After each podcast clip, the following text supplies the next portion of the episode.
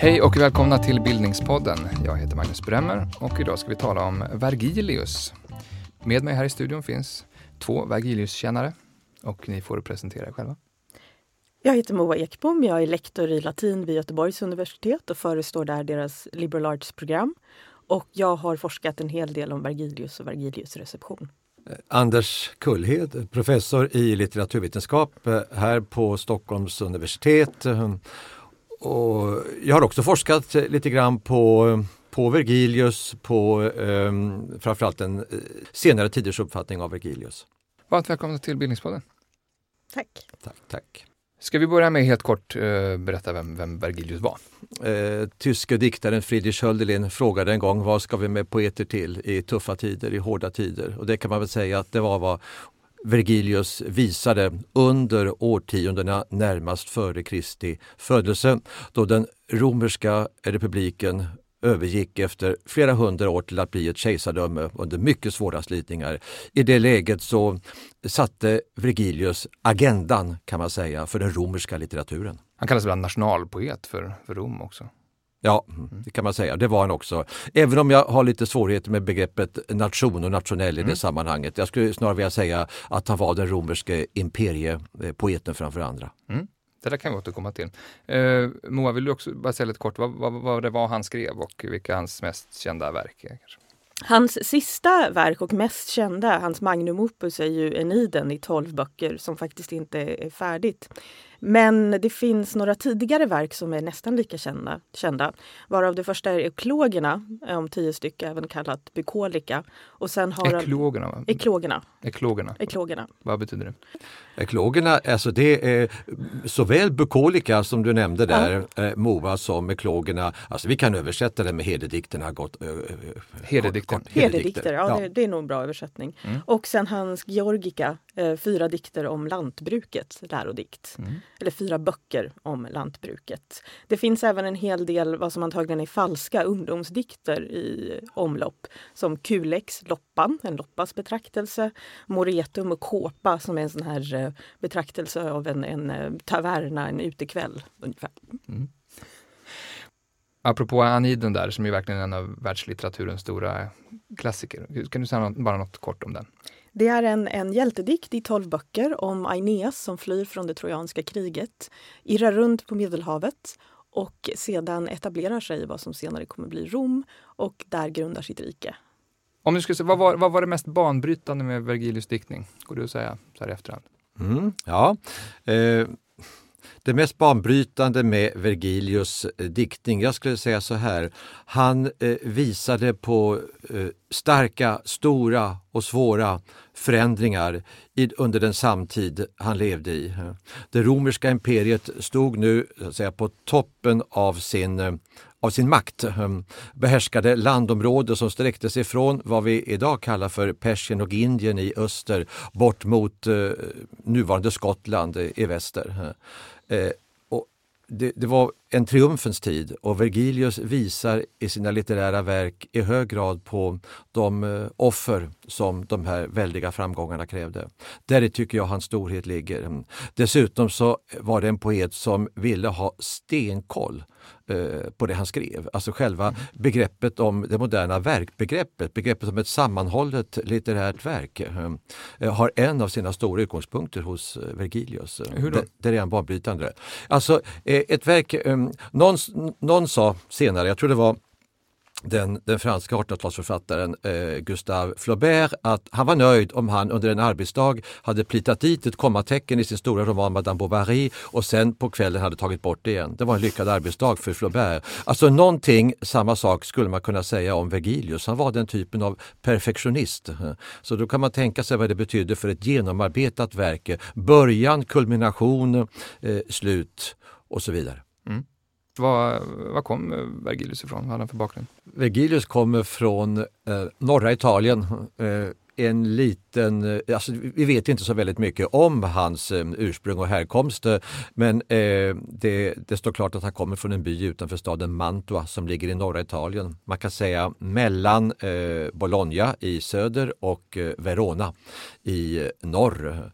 Och så länge så hade man en uppfattning om Virgilius att han skulle haft ett väldigt enkelt eh, ursprung, eh, fattig eh, bonde eller så och det var förmodligen inte fallet. Det var, det var någon, någon ska vi säga, jordägarfamilj som han kom ifrån som nog var relativt välbeställda. I varje fall så hade de råd att eh, skicka iväg sin eh, unge son, eller Virgilius, på, på studier mm. på, på annat håll i Italien. Vad bör han studera då? Eh, ja, alltså vad man, vad man vet att han studerade det var eh, eh alltså, grammatik, retorik och filosofi och det ligger så att säga inom eh, ramen, eh, helt och hållet inom ramen för det normala. Inom grammatiken så läste man eh, litteratur som var så i kontakt på ett tidigt stadium med den stora litterära eh, traditionen, inte minst den grekiska eh, litteraturen där ju Homeros så småningom kom att bli det stora och viktiga namnet för Vergilius. Men samtidigt så var var en, den, den, eh, eh, karriären för en ung eh, romare ska säga, ung manlig romare på gång. Det, det gick, det vette alltså åt vältaligheten och juridiken. Så att det kan mycket väl ha varit åt det hållet som Vergilius hade planer på ett tidigt stadium. Det vet vi inte men jag skulle säga det är troligt. Mm. Men filosofin är också viktig. Alltså, eh, till allt annat som vi har talat om här så var Vergilius en eh, filosofisk eh, diktare med starka inslag av framförallt Platons filosofi i sina verk i Eneiden. Mm. Det här med att han kom från norr, har han framhävt själv på något sätt? Varför var det viktigt? Eh. Ja, han, han talar ju själv om, om sitt ursprung emellanåt och eh, sen lyfter ju senare författare upp det en hel del. Då just de pratar om honom från Mantua.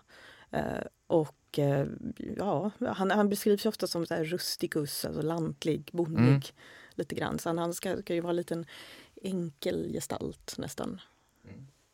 Ja, det tror jag är väldigt viktigt. Alltså det, det, vad, vad, vi kunde kalla för eh, urbana teman, eh, storstaden och så, det är egentligen inte det väsentliga i Virgilius diktverk utan det är ofta livet på landet. Och efter, eh, efter studier och, och, och, så, han var i Neapel då bland annat, var, så, så, så reste han hem till sin hemby och slog sig till ro, var tanken väl? Ja, det var nog tanken, men så blev det inte. Utan Eh, Eh, eller ja, det vet vi inte om det kunde vara tanken för den, den här eh, karriären, alltså eh, vältaligheten, juridiken kunde också peka mot imperiemetropolen som ju är Rom, eh, alldeles självklart för alla italienare och inte bara för italienare under den här tiden. Så det var ju där han kom att hamna eh, så småningom och eh, där han tillbringade större delen av sina dagar, det kan vi utgå I Rom? I Rom. Mm. När kom han till Rom? Ja, han kom till Rom i, det bör ha varit 20 års åldern ungefär. Mm. Eh, och ehm, eh, sedan så hade han ju alltså ett, eh vi skulle kunna kalla det för landställe i närheten av Neapel, alltså söder om Rom, dit han alltid gärna åkte. Han var förälskad i, i den eh, trakten. Så att eh, vi ser hur det spänner över Italien här. Vi har alltså imperiumetropolen, vi har ursprunget eh, uppe i Mantua i norra Italien och så har vi den här förkärleken för Neapel med, eh, med omnejd. Mm. Eh, så de här landsdelarna är viktiga alla mm. för Vergilius. Uppenbarligen var det ju också någonting som, som syntes i hans eh, skrivande, den här kärleken till eh, lantlivet och eh, som ni nämnde, heredikter och sånt. Hur, hur, hur, eh, hur, hur, hur framställs det där livet i den, den litteraturen? Eh, det är lite olika i, i Vergilius första verk, ungdomsverket. Mm, alltså han, ska säga, han levde ju mellan år 70 och år 90. 19. Han blev alltså inte gammal med våra mått mätt. 51 år gammal blev Vergilius. Mm. Och, och då eh, med jämna mellanrum kan man säga så kommer de här tre stora verken. Alltså Hededikterna år 40, eh, Georgica, lärodikterna år 30 och eh, Eneiden på ett ungefär år 20. Alltså han går ur tiden och, år 19 och då är ju Eneiden eh, ofullbordad. Eh, och i, i, i bägge de här första verken så är lantlivet fullkomligt centralt. Och det, men det framställs på lite olika sätt. Alltså i så är det någon form av idyll och då anknyter Vergilius till en antik genre, eh, idylldiktningen eller vi kan säga herdediktningen. Eh, längtan bort från storstadslivet. Hans gode vän och jämnårige Horatius formulerade där i en berömd formel Beatus ille på latin, alltså lycklig den som, det vill säga lycklig den som kan dra sig iväg från storstaden och, och få lite lugn och ro ute på landet. Någonting vi kanske kan känna igen också i dagens eh, hetsade storstadstillvaro. Men då behövs ju då behövs storstaden för att man ska kunna ja, dra sig undan ja, från Storstaden är den absoluta eh, nödvändiga bakgrunden för att förstå den här, den här eh, idylldiktningen. Och det är då en genre som ställer vi vidare i den västerländska litteraturen ända in på 1700-talet. Och mönstret är i princip oförändrat genom hela traditionen, alltså storstad kontra idylliska lantlivet och för närmare bestämt för Vergilius eh, räkning så handlar det då om eh, herdar som ofta ingår i någon sorts, ska vi säga lite kvittrande duetter med varandra medan de går och vallar sina får och uppsöker lugn och ro i lundens skugga. Du får tänka dig en bäck som pålar i bakgrunden och så här och så eh, sjunger de och där alltså erotik och kärlek eh, står på agendan. Eh, de här lärodikterna som kommer sen, Georgica, där är alltså lite strävsammare eh, perspektiv perspektiv på lantlivet. Det handlar om eh, hårt eh, jobb, eh, kamp för brödfödan. Fyra dikter, fyra lärodikter, Georgica.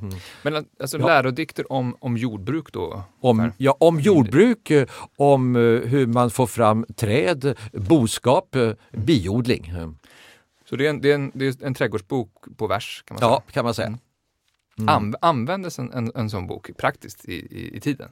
Mm. Ja, det, är det, det, det, tror jag inte eh, egentligen. Eh, utan eh, det, det kom så att säga också en sån bok som Eh, georgica eh, kom att eh, införlivas med det litterära systemet. Så vad man kommer att intressera sig för, jag tror i högre grad de här rent praktiska eh, råden var alldeles säkert de stora mytberättelserna som finns i Georgica. Alltså en av antikens stora, jag skulle säga, man frestas att säga eviga, tidlösa myter, den om Orfeus och Eurydike har en av, alltså det, det finns tre stora antika behandlingar av den myten och en av de här tre är i den fjärde boken av eh, Georgica den som handlar om biodling som då plötsligt och egentligen lite överraskande kommer att återberätta hela historien om Orfeus och Eurydike. Hmm, om den eh, stora tragiska kärleken. Ja, kan du ge bara en jättekort resumé av, av eh, den berättelsen och hur den hänger ihop med biodling? Ja, mm. eh,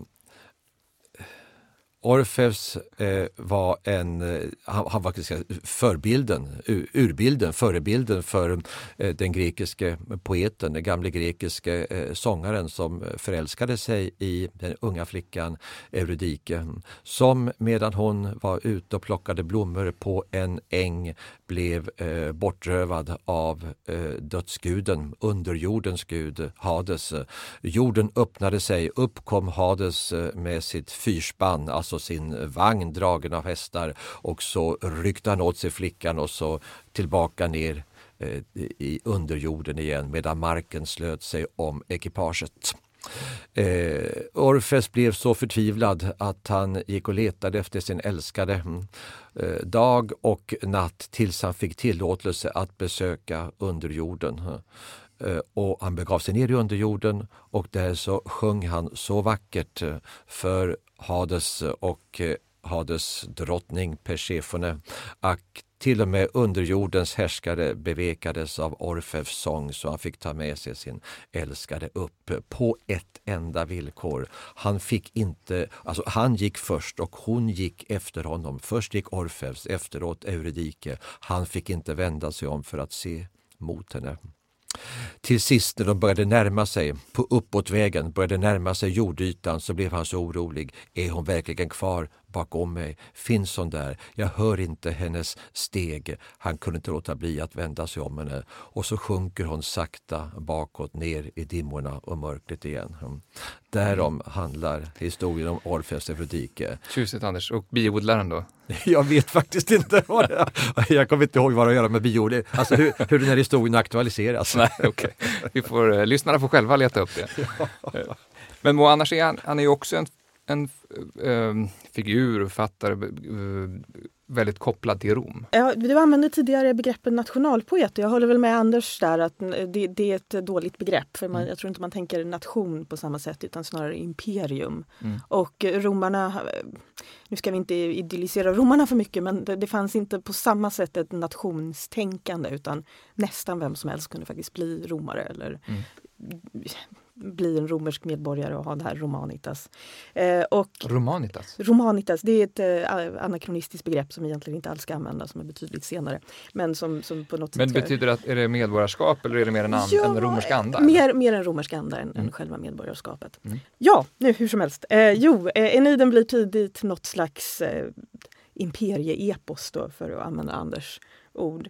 Och läses i hela riket och alla har den här liksom gemensamma eh, lärda underbyggnaden av Eniden framförallt Eniden faktiskt, och kan, kan förhålla sig till den. Och den används också i, i inskriptioner, den används i olika hur ska man säga, maktsammanhang för att eh, vinna legitimitet åt makt och liknande. Speciellt mer och mer under senantiken när man, man, man behöver återknyta till det här traditionellt romerska, så att mm. säga, eh, med, med citattecken runt.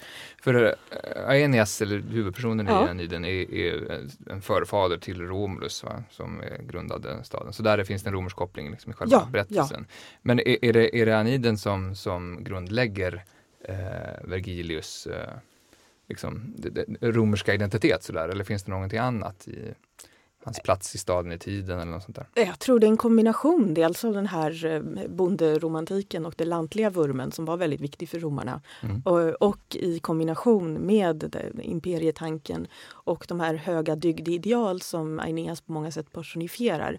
Att han är ju eh, Pius Aeneas pius, mycket svåröversatt begrepp, mm. pietas, ungefär fromhet, plikttrogenhet. Och det här är någonting som är väldigt, väldigt viktigt för romare. Att man, man gör sin plikt, man, låter, man uppfyller sitt öde. Mm. Och eh, där, Eniden är verkligen en slags stridsskrift för det, kan man säga. Mm. Det är både, både krigiskt och fromt och uh, en, god, en god hjärtad hjälte, eller? Ja, det är svårt att karaktärisera Aeneas. Mm. Eh, man är ofta väldigt frustrerad på honom. Mm. Eh, för han, han, eh, ibland liksom känns det som han, han är som en sömngångare genom historien. Mm. Att han bara låter sig styras av gudarna och impulserna och sådär. Ehm, så att man, man kan bli väldigt arg på honom emellanåt. Och vi håller lite på henne i den till. Så, Anders, vill du säga någonting om det, här, om det romerska? Ja, eh, alltså det, jag, jag, tror att eh, den historiska bakgrunden här är fundamental. Eh, alltså oerhört viktig för att förstå Virgilius överhuvudtaget. Och, och alltså, han lever då i en väldig brytningstid. Mm, för att just när han börjar väl närma sig medel, eller vad man på, på den tiden kunde kalla medelåldern, ska vi säga 30-40 års åldern. Mm, så eh, så går Rom sönder kan man säga. Det vill säga den gamla romerska republiken som då har bestått i eh, ska vi, vad blir det nu, 509, säg eh, eh, i eh, gott och väl fyra och ett halvt eh, sekel eh, upphävs i och med att eh, den unge Octavianus eh, tar makten, blir envåldshärskare i Rom och utropar sig till eh, kejsare. Eh, den här, det här är ingen lätt process, den kräver alltså ett par decennier och de infaller alltså under Vergilius livstid. Ett par decenniers inbördeskrig. Det är som vi tänker oss att eh, någon form av stridigheter, inbördeskrig börjar oss idag och sen tänker sen, eh, eller om man tänker sig, eh, kommer hålla på fram till 2030-2040 ungefär. Det är alltså bakgrunden till mm. Vergilius verk. Och eh, det är en orolig tid, oerhört orolig och den kräver mycket blod. Och dessutom kräver det faktiskt jord. För att efter det att de här inbördeskrigen var avklarade så var ju då den unge eh, Augustus tvungen att eh, belöna alla på något vis som har slagits under decennier och inte gjort någonting annat egentligen än att slagits. Vi ska säga där också att Octavianus och Augustus är samma person, det är ett senare exakt, namn på... Exakt, den unge Octavianus kommer att kalla sig för Augustus som kejsare. Eh, så att han drog in jord, framförallt i Italien, och för att dela ut till sina sina krigsveteraner. Det här drabbades eh, Vergilius, liksom hans gode vän eh, Horatius, av, eh, har det ofta sagts. Och jag tror det är lite grann också mot den bakgrunden man får förstå den här, den här väldigt starka tonvikten dels på lantlivet hos Vergilius och sen också på kontinuitet. För han levde verkligen en tid av oerhört starka brytningar. Och, och, och relationen till eh, Octavianus eller Augustus blev, var ganska nära. Ja, eh, definitivt. Eh, alltså, eh, du, du frågade förut om eh, när Vergilius kom till Rom. Hur, alltså, han, han etablerades ju som, eh, i Rom som poet. Och det är egentligen inte så väldigt konstigt eftersom eh, poesin var ett så efterfrågat medium. När Augustus hade tagit makten så var han definitivt tvungen att legitimera den och det gjordes bland annat genom en stark propagandaoffensiv där alltså Augustus propagerade just för tradition, historia, ganska konservativa, eh, konservativa eh, dygde och eh, moralpredikningar som gick ut över det romerska imperiet. Där. Och där hade då Vergilius en, en uppgift att uh, fylla som, uh, om man ska uttrycka sig lite kritiskt, uh, his masters voice här mm. ungefär. Men men alltså Rom på den här tiden eh, var alltså ingen sådär jättestor stad. Man brukar beräkna det, jag tror de lägsta siffrorna brukar ligga på ungefär som dagens Göteborg, runt en halv miljon och sen är det väl vanligare att man brukar resonera kring runt en miljon eh, invånare ungefär. Ehm, staden är ändå inte större än att en eh, sån begåvning som Vergilius märktes där. Han fick tidigt kontakt alltså med en av Roms rikaste medborgare, Messenas, som senare kom att bli en av Augustus stora eh, rådgivare. Och det är alltså efter Mecenas som vi har det begreppet mecenat. Han stödde mm. unga poeter, Horatius, Vergilius och andra. Och därmed kan man säga var Vergilius lycka gjord så att han blev tidigt en litterär kändis i Rom. Mm. Han, han var, det var en högstatusperson i, i, i den här staden vid den här tiden. Verkligen, verkligen. Och eh, när han just eh, ska man säga, släpper sin poesi så är det ju sällan i skriftlig form utan det reciterades ju i mm. väldigt hög grad. Och just i... i eh, var reciterat? Eh, var? Mm. Alltså det finns en, en, eh, historia i en av de här vitorna som berättas att han reciterade vid hovet. Mm. Och där då reciterar bok 6 som handlar om nedstigning under jorden. Och då berättar de om den, den stackars prins i, i det här kejserliga huset då, som nyligen har, har gått bort, Marcellus. Och eh, det är Augustus syster eh, Octavia som är hans mamma då. Och hon är närvarande och svimmar för hon blir så mm. rörd. Och sen tilldelas han en enorm summa pengar för att det där var så vackert. Så att vi har liksom beskrivningar av hur, hur han reciterar det här offentligt. Så att det, mm. Han släppte nog saker regelbundet och som Anders har tagit upp flera gånger att han, han skrev ju aldrig klart verket. Det var ju ständigt ett slags work in progress. Mm. Så det kunde säkert ha, ha diffat mellan olika uppläsningar också. Men han reciterade alltså för, för verkligen på hovet, på högsta ort? Ja. Mm.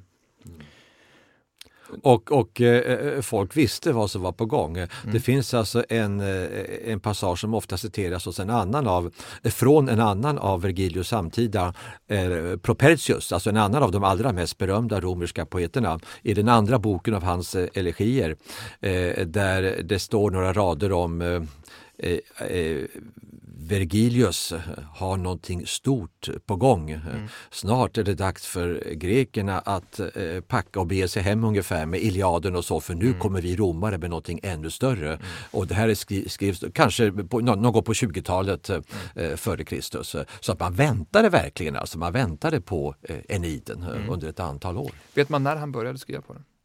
Ja, alltså det bör ha varit efter Georgica, eh, alltså någon gång i början på 20-talet eh, före Kristus. Så mm. Det tog säkert eh, minst ett tiotal år som Vergilius arbetade på det här. Mm.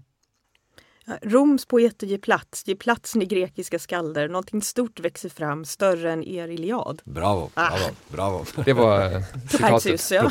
Mm. Eh, om vi, om vi tar oss an Nide nu ordentligt här. Vad ska vi, Moa, vill du en, vill du en resumé på vad, vad handlar den om? Ja. Ramberättelsen kanske? Det. Ramberättelsen, den eh, hoppar ju lite fram och tillbaka men eh, grundberättelsen är eh, den trojanske hjälten Aeneas som flyr från det trojanska kriget för att han har fått ett uppdrag av gudarna att, grundlägga någonting större. Han irrar runt på Medelhavet, han fastnar i, i Kartago Eh, och har där en affär med drottningen Dido som han sen överger för att fullfölja sitt öde.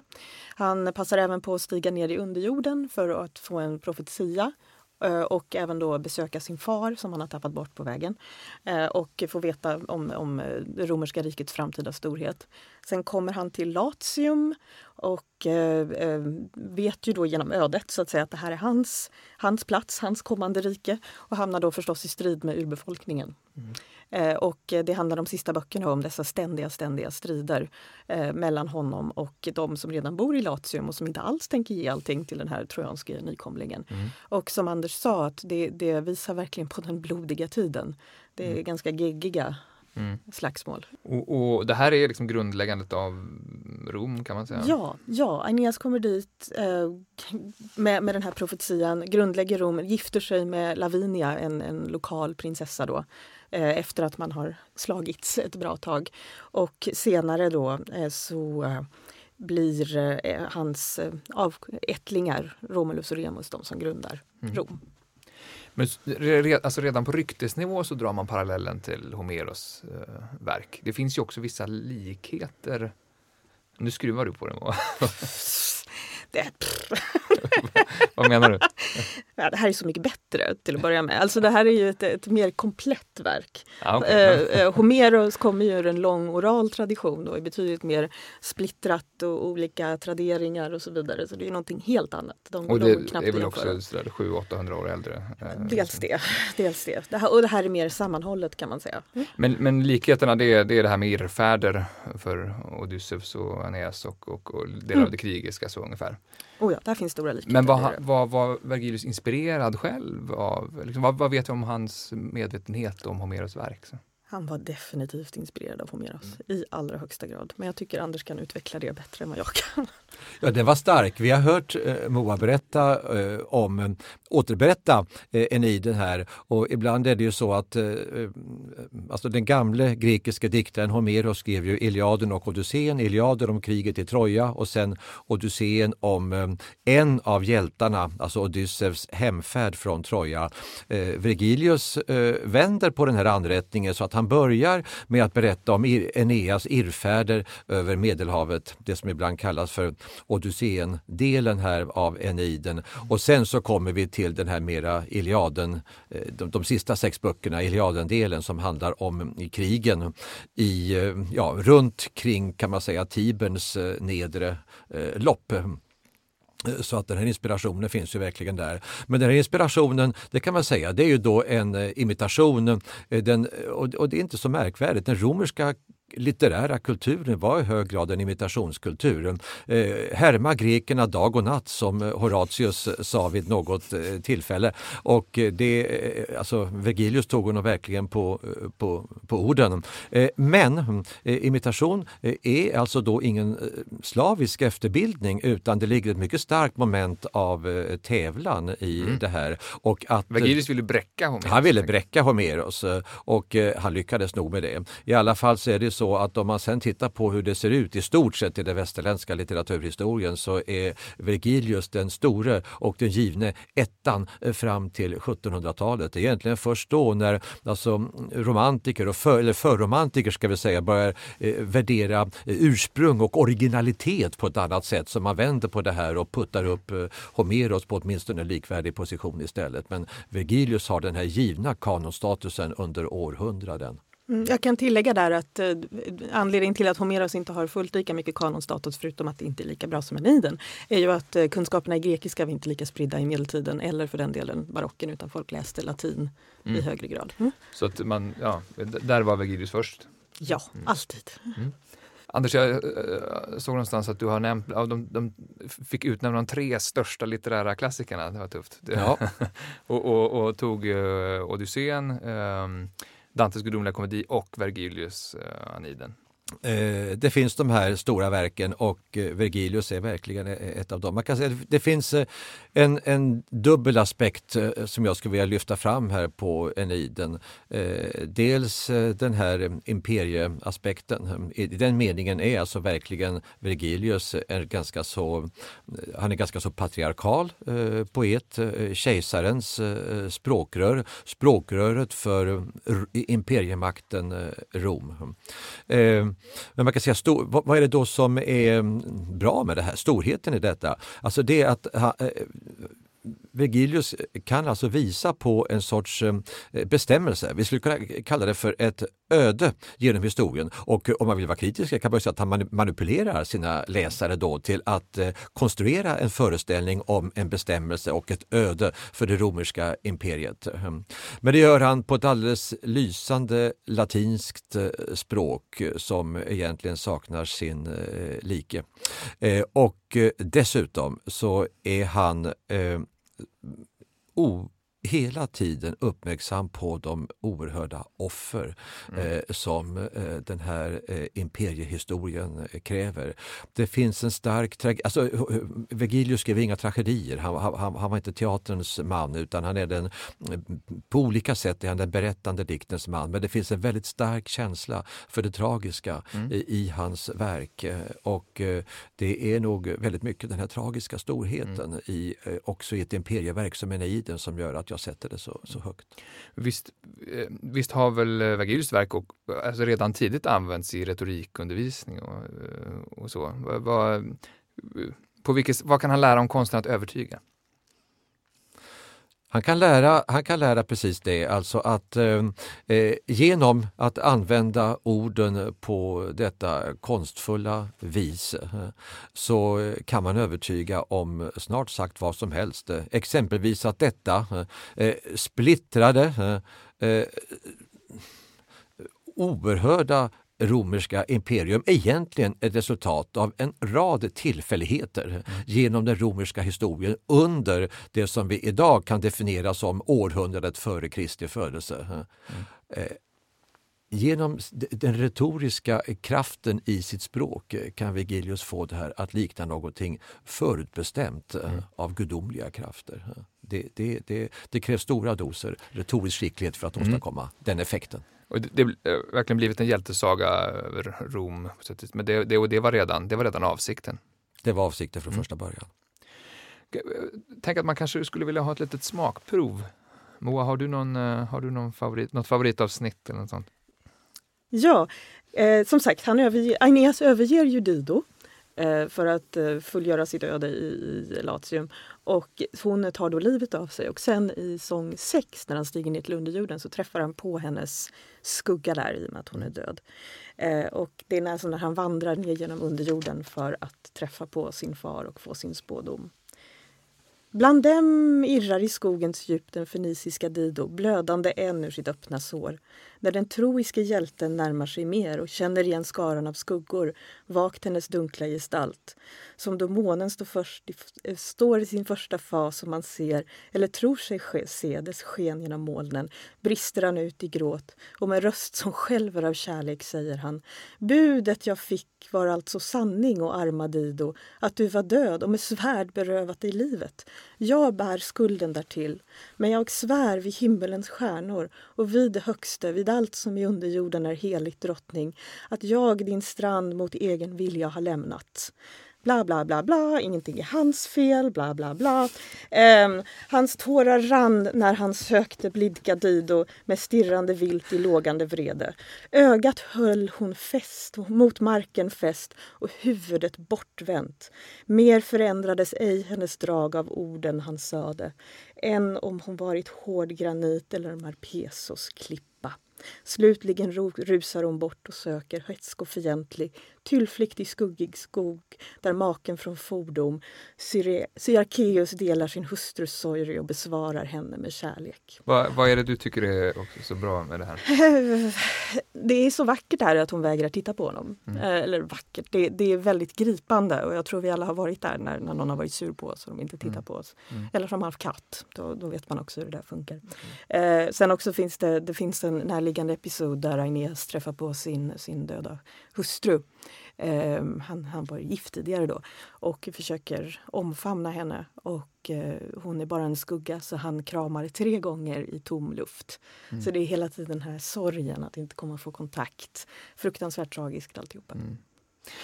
Vi är lite rörda alla tre här inne. Ja. Eh, men eh, Anders, kanske först säga någonting om det. Det är skrivet på hexameter. Mm. Eh, ett versmått. Ja, hexameter är den versraden som eh, styrde den antika eh, berättande diktningen. Bambara bambara bambara bambara bambara bamba. det ska, raden måste sluta på det sättet. Mm. mm. Så, så, så lyder en hexameter. Alltså, varför Vergilius valde hexameter var naturligtvis på grund av, att, på grund av det versmåttets ställning i, i den grekiska berättande dikten som är samma, alltså läsarna hörde, för det är precis så som Moa sa förut, det här hördes mera, lästes upp mera än vad det lästes på eh, pergament eller papyrus. Man mm. lyssnade på det här och med samma man kände den här rytmen, den kände ju, de, de fick det i öronen på en gång och mm. kände detta, va? aha, det här är storberättande dikt, det här, ja. det här, här kommer den stora episka fläkten från Grekland, va? det kände man på en mm. gång när man hörde det där. Mm. Så exameten är viktig, spelar stor roll här i sammanhanget. Vad finns det religiösa motiv i Aniden? Det finns det och, och, och, det är intressant för det, det, det, det, kan man tycka, ja visst eh, så var det ju på den tiden och så men det är ingalunda självklart. Alltså, Virgilius levde också i en tid när de gamla gudarna, eh, den gamla religionen som då också den romaren hade från grekerna ifrågasattes på många olika håll. Och här så, alltså ett namn tror jag vi måste eh, nämna här, eh, nämligen eh, kollegan till Vergilius Lucretius eh, som på 50-talet eh, före Kristus, när alltså Vergilius är i 20-årsåldern, skrev en stor, mycket inflytelserik dikt. Eh, som på senare tid nordamerikanen Steven Greenblatt har velat kalla eh, eh alltså, eh, betydelsefull för den moderna upplevelsen av världen överhuvudtaget. Eh, det gäller alltså, jag pratar om Lucretius som skrev en dikt som heter Om tingens natur på 50-talet före Kristus där han helt och hållet skåpar ut den gamla gudaapparaten. Det är bara dunster, drömmar och inbildningar enligt Lucretius. Mm. Allt som finns är atomer. Mm. Atomer som virvlar omkring och kolliderar med varandra på olika sätt. Vi är gjorda av stoft och vi kommer att upplösas till stoft Eh, en gång och så vidare. och så vidare. Eh, man kan säga mot den här bakgrunden så Vergilius tar djupa intryck av Lucretius samtidigt som han eh, eh, kan man säga reetablerar, återskapar de gamla gudarna i den meningen alltså att han vill visa i sina verk och framförallt i Eniden hur vi människor trots allt inte styr oss själva, att det finns krafter starkare och större än oss själva, eh, framförallt inom oss själva som Vergilius gestaltar som gudar och gudinnor och som styr våra öden. Mm. Det, är det, det, är det han vill visa och det gäller framförallt förstås um, hur Eneas uh, styrs. Det, jag håller med Mo, uh, Moa om det här verkligen. Alltså man kan tröttna lite grann på den här fromme som det brukar heta, mm. Pius, Pius Eneas som en sorts lekboll som bara valsar omkring bland gudarna. Men det handlar alltså om, i grunden om den här känslan av att det finns något starkare och större mm. än oss själva som vi ofta inte är riktigt medvetna om. Det är intressant det här. Eneas under lång tid, han är inte medveten om vart han ska. Det visar sig så att säga under hand. Mm. Alltså det, därav de här irrfärderna. Det finns större och starkare krafter än vi själva som styr oss och har kontroll över oss själva. Jag tror det är en ganska modern upplevelse av hur vi fungerar som människor. Den är mycket tydlig hos Vergilius. Ja, man kan ju lägga till där att Vergilius blev ju någon, också någon slags uh, lärobok i gudalära. Mm. Att det här som, som Anders sa, re, re, reetableringen av gudarna, att det här blev ett slags mytologiskt kompendium nästan mm. som man utgick ifrån. Och sen också som uh, Anders också berättat om det här att han var så skolad i Platon, att det finns många såna här allegoriska tolkningar av Eniden, att man har läst det. På, allegor, att man, man, har läst det som en allegori över, över Platon. Helt du får enkelt. förklara vad allegori Allegori, alltså det är som en, som en liknelse, att det här på, beskriver, eh, berättar Platons teorier och idéer på ett mer lättfattligt sätt genom mm. gudar och så vidare. Och det finns även sådana tolkningar av Homeros så det återknyter till den traditionen också. Mm. Och, och, så finns det väl mer alternativa religiösa kopplingar till, eh, till Vergilius verk, alltså det spådom och sånt här som du har intresserat för Moa? Ja, jag skrev min avhandling om någonting som kallas för sortes vergilianae, för det finns en myt kan man säga, att man eh, i alla tider har spott sig genom att ta Vergilius och randomly öppna den och den versen som där ditt finger råkar peka på eller vad det är, det, det är din vägledning. Det är alltså liksom på slump bläddra upp slump, och peka precis, på någonting? Precis. Mm. Eh, det här finns ju väldigt mycket med Bibel och speciellt i norrländsk tradition talar man väl om tumverser, just att man tummar igenom Bibeln mm. och får upp det där. Så att bokmagi är någonting väldigt existerande. Men, just men hur det går det till då? Då menar man att det, det, det man, den, den delen man slår upp blir som ett slags tarotkort? Ja. Man läser ja. sitt öde utifrån? En, en slags lyckokaka. Okay. i princip, ja. Eh, kan man säga. Eh, det här tycker jag mig ha visat dock att det inte riktigt förhöll sig så. De, de beskrivningar som finns som är antika, som finns i ett väldigt speciellt verk som heter Historia Augusta, eh, snarare är någon slags litterär lek. Och det mm. lilla man kan utläsa för dem, om man nu nödvändigtvis skulle vilja tolka det som att man använder Vergilius som att spå sig, så skulle det snarare vara att det var lotter av mm. något slag. Att det är snarare ett sånt språk, sådana verb som används. Alltså lotter, att eh, man fick en, man fick en, en, en Trästicka en kanske med, med en rad på. Ja, ja, Eller okay. att man kanske slog en tärning och sen gick till en bok och tittade på mm. Eh, motsvarande siffra. Mm. För saken är den att jag tror att det här eh, Vergilius spådomen i det här obskyra verket Historia Augusta snarare inspirerat av det så kallade Sortes Homericae. För vi vet mm. faktiskt ganska ordentligt att man faktiskt spådde sig med hjälp av Homeros. Mm. Att man kunde plocka eh, Homeros verser slumpmässigt, dels genom såna här lotter eller det finns till och med ett manuskript kvar där det är eh, slumpmässigt utvalda verser av Homeros eh, numrerade. Mm. Och så har man antagligen slagit med tärning för att få fram Mm. Mm. vilket det är. Och det dyker även upp i lite andra kontexter och finns beskrivet. Men det här med Vergilius är nog bara ett påhitt. Dock, så under renässansen skulle jag säga så läser man det här i Historia Augusta, tycker det här låter jättehäftigt och blandar ihop det lite med Augustinus beskrivningar av hur han använder sig av Bibeln mm. att spå sig. För att det är ju eh, ett viktigt, det sker flera gånger i Confessiones att han eh, slår upp, eller någon vän till honom slår upp Bibeln och får en vers då som mm. berättar hur han ska hantera livet och situationen. Att de på något sätt eh, blandades ihop Mm. Och i renässanstradition så lyfte man fram det och så skapade man det här konceptet Sortes Vergilianae med, med alltså bokmagi med hjälp av Vergilius Eh, och sen dess har man på något sätt gett det en retroaktiv historia. Sagt, mm. att, mm. sagt att det är antik, sagt att det är medeltida. Men du beskrev det är ett koncept nu, Sortes ja, Vergiliana. Det, är, det, det är inte en instruktionsbok eller något, utan det är Nej, själva konceptet kallas? Ja, Sortes Vergiliana, det, det är ett mm. koncept helt enkelt. Och det dyker upp lite varstans och det brukar även dyka upp som koncept eh, liksom plockat från Vergilius. Att det bara är att eh, bläddra slumpmässigt i en bok och få upp en vers mm. som, eh, som kan ge en vägledning. Eh, så gör ju folk med lite olika böcker. Jag vet folk som gör det med Tolkien när de mm.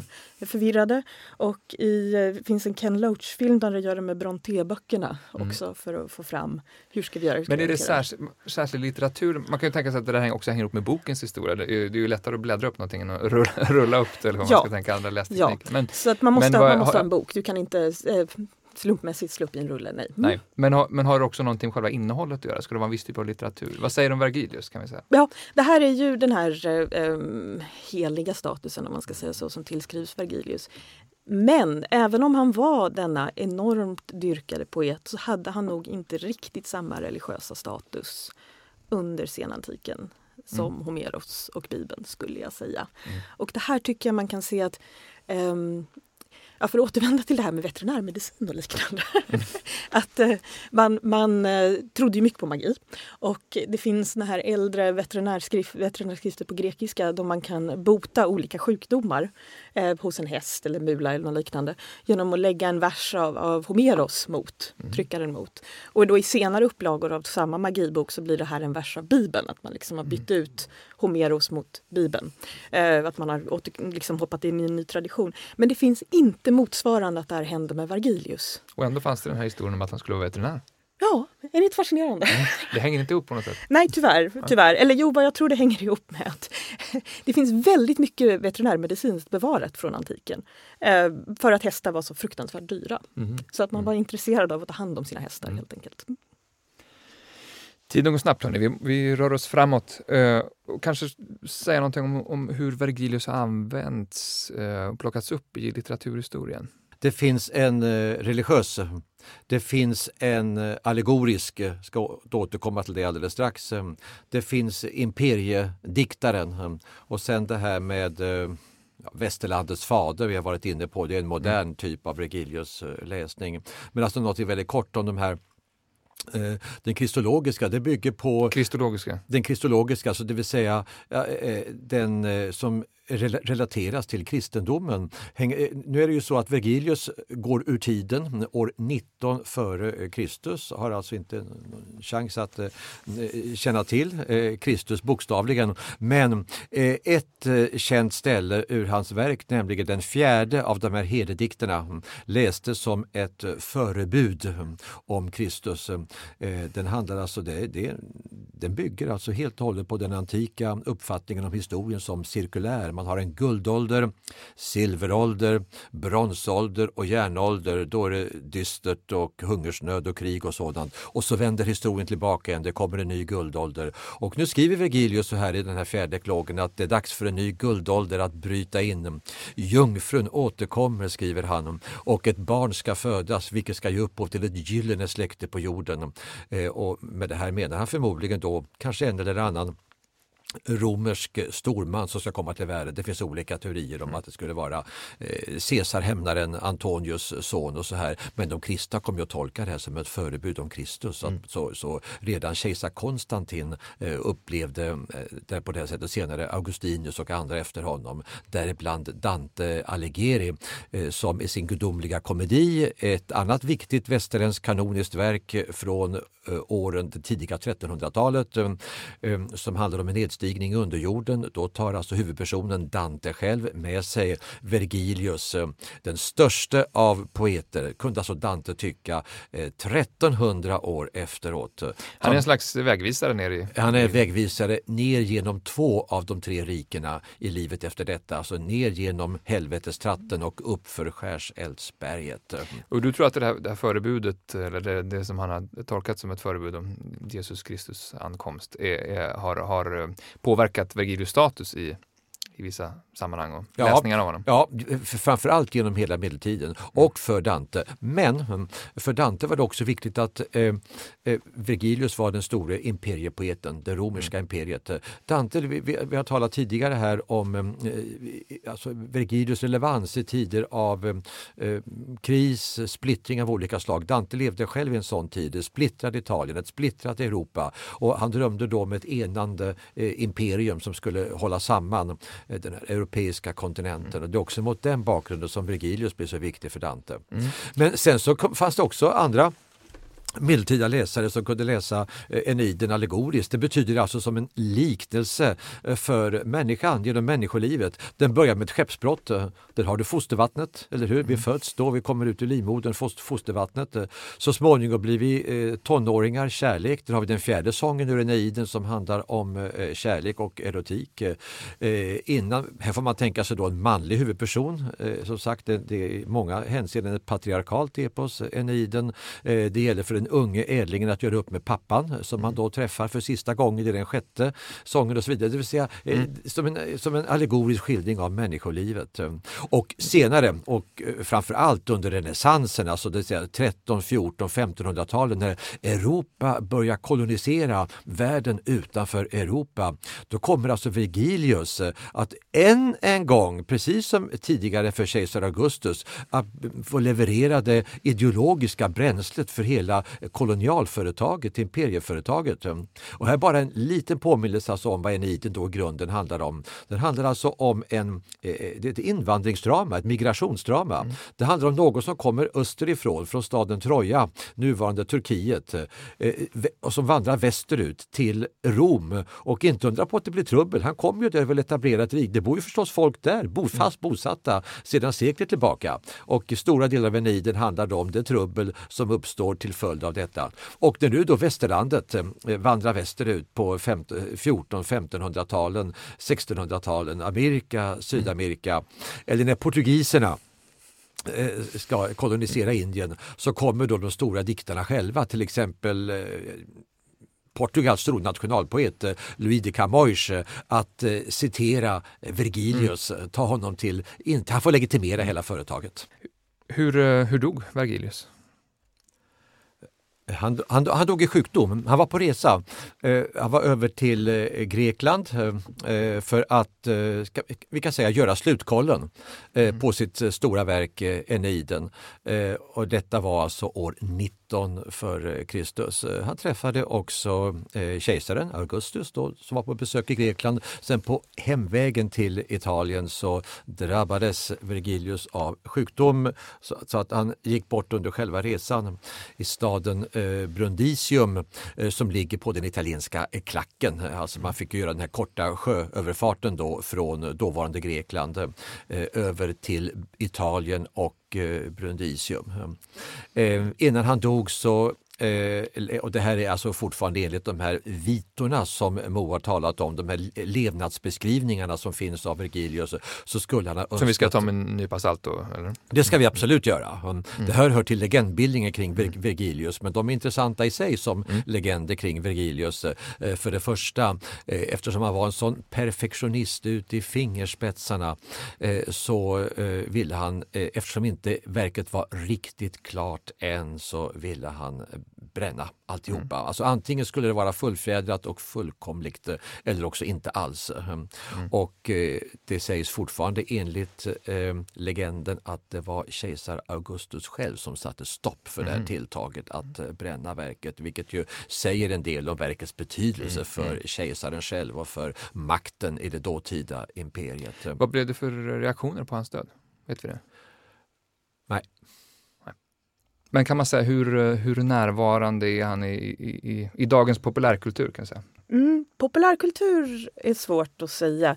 Dels är det det att vi, vi lånar in så mycket av vår populärkultur eh, via, ett, via det anglosaxiska och där är ju Vergilius fortfarande jättestor. Så det kan dyka upp eh, referenser till Vergilius som man som svensk kanske inte alltid förstår mm. i låt oss säga Simpsons eller mm. något liknande. Hur, hur kan en sån referens se ut?